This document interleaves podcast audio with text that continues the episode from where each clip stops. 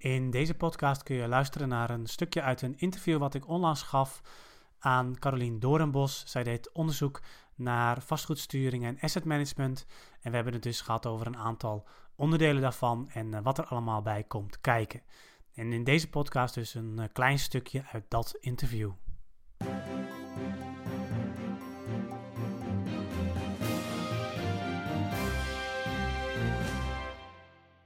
Is, is, is het management wel een onderdeel van strategisch vooropleid of eigenlijk een apart iets? Ehm, nou, ik denk dat ehm, als je strategisch voorraadbeleid is ehm, zowel het strategische niveau, wat mij betreft, als het tactische niveau. Mhm. in ieder geval in de boeken.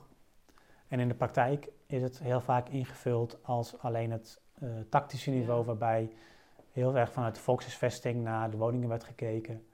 Eh, en ook vanuit de techniek naar de woningen werd gekeken. En eigenlijk het financiële stuk er pas achteraf bij kwam.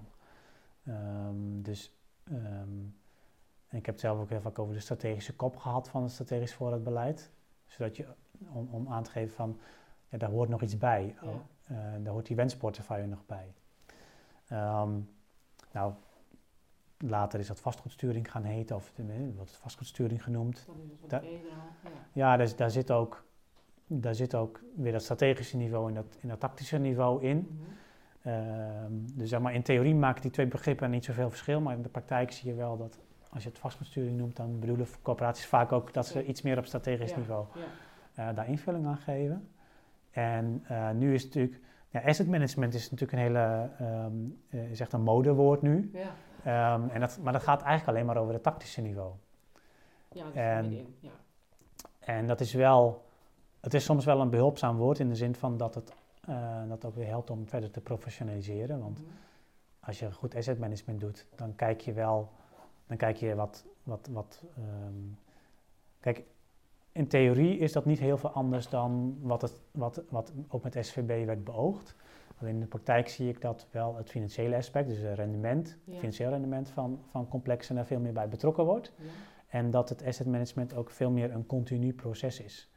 Ehm, in plaats van iets wat je één keer, één Ja. keer doet. Want het asset management, dat, dat doe je niet één keer per jaar, dat doe je Dat gewoon elke week. Ja. Ja. Ja. Als er een vraag komt van een wethouder of, of, of een vraag van een huurder of je bedenkt zelf iets, dan ben je met asset management bezig. Ja.